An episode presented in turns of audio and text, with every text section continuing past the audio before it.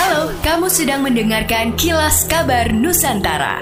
Podcast persembahan KG Radio Network menyajikan berita harian yang mengangkat keunikan dari berbagai wilayah Indonesia. Kilas Kabar Nusantara dapat juga didukung oleh pengiklan loh.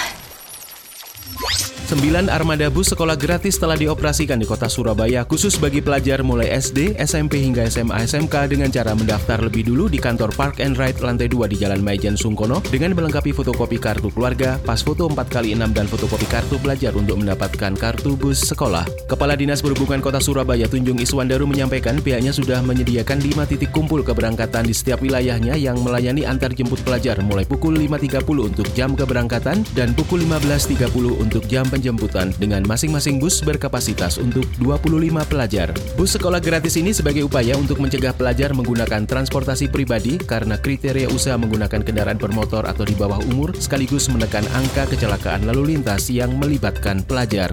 Aliran Sungai Maros di Sulawesi Selatan akan segera dilengkapi seat pile sebagai upaya pencegahan banjir di sekitar wilayah tersebut. Balai Besar Wilayah Sungai BBWS Pompengan Jeneberang menargetkan pembangunan bisa dilakukan tahun ini dengan prioritas sepanjang 2,2 km.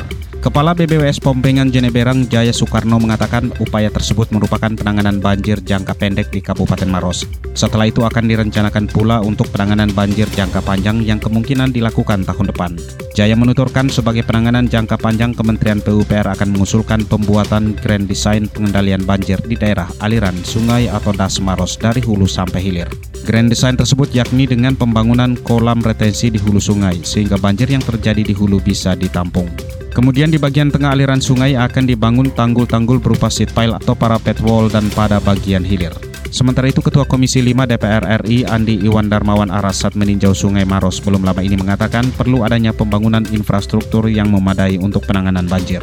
Salah satunya adalah seat pile agar hempasan air sungai ke pemukiman warga bisa berkurang. Menurutnya pembangunan seat pile ini sangat mendesak sehingga akan diupayakan masuk dalam penganggaran tahun 2023 akhir. Menyambut Hari Pers Nasional tahun 2023, kemajuan pers di Kalimantan Selatan dinilai sudah cukup profesional dan proporsional dari segi pemberitaan, terutama dalam menyampaikan informasi kepada masyarakat.